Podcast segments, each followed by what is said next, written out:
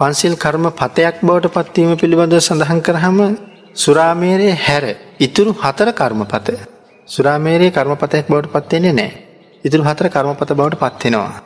එතකොට සුරාමේරයේ කර්මපතයක් බවට පත්වේ නැත්තේ ඒ කියන කාරණාව විශේෂයෙන් සාකච්ඡා කරන්න ඕනේ. සුරාමේරයේ කර්මපතයක් බවට පත්වෙන්නේ නැත්තේ නමුත් මේ සිල්පද පහේ තියෙන මහා සිල්පදේ හැටියට තමයි සුරාමේරය සැලකෙන්නේ. කර්මපතයක් වෙන්නේ නෑ. හේතු සාකච්ඡා කළොත් නිරන්තරයෙන් සුරාමේරයේ සුරාවට ඇබ්බැහි වෙච්ච අය ඊළඟ භවවල උපදිනකොට මන්ද බුද්ධිකැන් වෙලා තමයි උපදින්නේ. එතකොට කෙනෙක් ප්‍රාණඝාතය කරහම ඊළඟට මනුෂ්‍යාත්ම භාවයකට ඇවිල්ල එක විපාක දෙනකොට අල්පාවිශ්ක වෙනවා. අපි උදාහරණයක් සඳහන් කරමුකෝ චත්තමානෝක ගැන සත්තමානෝක ලාබාල තරුණාවදීදී මරණයට පත්වෙනවා. ඒකට හේතුව සංසාර කරගත්ත ප්‍රාණඝාතකුසලයක් එතැන්ට එලමෙන්ඩ ඇති අල්පාවිශ්ක වුණා. නමුත් අල්පායුෂ්ක වුණා බුදුරජාණන් වහන්සේ මුණගැහිල්ල තෙරුවන් සරණ ගිහිල්ල පන්සිල් ආරක්ෂා කරපු නිසා මේ මොහොත වෙනකොටත් දිවිලෝකේ. කෙටි කාලයකින් මරණයට පත් වනා. නමුත් දැන් දෙව්ලොව. ප්‍රාණඝාතය විපාකය නිසා අල්පායුෂ්ක වුණා. එතකොට මේ සුරාපානය විපාක හැටියට සඳහන් කරන මන්ද බුද්ධික බව. මන්ද බුද්ධිකයෙක් බවට පත්වෙලා අවුරුදු සීය. බුදුරජාණන් වහන්සේගේ සිරිපාද පද්මය ළඟම වාඩි වෙලා ජීවත් වනා. එයාට මේ උතුම් තැනට එන්ඩ බෑනේ මන්ද බුද්ධිකයින්නේ. ආං ඒ නිසා සුරාමේරය මේ සිල්පද පහේ ලොකු සිල්පද හැටියට සැලකෙනවා. මොකද විපාක දුන්නහම අර විදිහයි. ගොද සසරින් මිදෙන්ඩම බෑ ඒ ආත්මය. එතකොට මේ එකාත්මයක් විතරක් මන්ද බුද්ධිකයෙක් වෙලා නතර වෙනවා කියලා කාරණාවක් නෑ. නොෙක් සිය ගණන් දහස් ගණන් ආත්මෝල මන්ද බුද්ධික වෙන්න පුළුවන්. උපතින්ම මන්ද බුද්ධිකයෙක් වෙන්නත් පුළුවන්. සහිම නැත්තං ඉපදිලා ටික කාලයක් යනකොට අවුරුදු දහයක් පහළුවක් විස්සක් හිටිකම මන්ද බුද්ධික වෙන්නත් පුළුවන්. අපි සමරලාරඉතින් අපි අද හැඩට කියන ස්නායි වාබාධයක් නිසා එහෙම වුණා නැත්තම් වෙන මොකක් හරි රෝගයක බලපෑමක් නිසා එහෙම වුණා අද අපිට කතා කරන්න තියෙන එහෙම නමුත් ඒක කර්මයක කර්මයක බලපෑමකුත් එක එහෙම සිද්ධ වෙනවා. එතකොට ඒක කර්ම පතයක් වෙන්නෑ කියල සඳහන් කළේ කර්ම පතයක් වෙන්ඩ නම් කාරණා පහක් සම්පූර්ණ වෙන්ඩුවන ප්‍රාණඝාතය සම්බන්ධයෙන් කල්පනා කළොත්.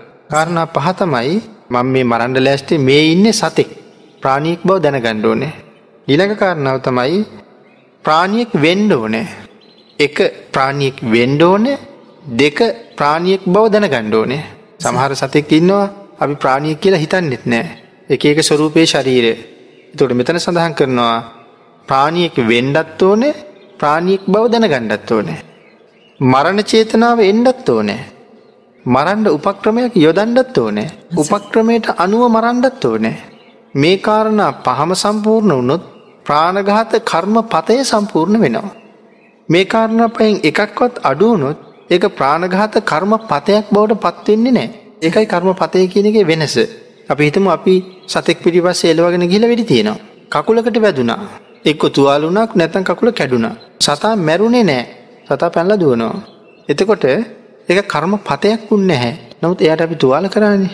ඒ තුවාලය නිසා එක්ක නැත්තන් එයාගේ ඇටකෝටුවක් කුඩුවෙච්ච නිසා නැතන් ඇටකෝටු හිල් වෙලා වැඩියුන්ට ගියපු නිසා එයාට ඒකින් පිළිකාවක් හැදිට පුළුවන්. එයාගේ ඇටකෝටුව කුණු වෙලා නරක් වෙලා ඇතුළේ ඇටකෝටුවලට හානි වෙලා ප්‍රශ්නයක් වෙන පුළුවන්. නමුත් එයාට එහෙම උනේ මගේ උපක්‍රමය හින්දා. මගේ වැඩේ හින්දා. ආං ඒක මටත් සංසාරී පාක දෙනවා. ඒ නිසා මට ඊළඟ භවය පිළිකාවක් එන්න බැරිකමක් නෑ. අපිගේ මදුරුවකුට ගහනවා කියලා. සමහට අතින් ගහල මදුරුවේ තල්ලදාන්න පුළුවන්. නවත් අපි මෙහෙම හිතන්න නැතිව ඇති. මදුරුවන්ට ගහන්න නෑ.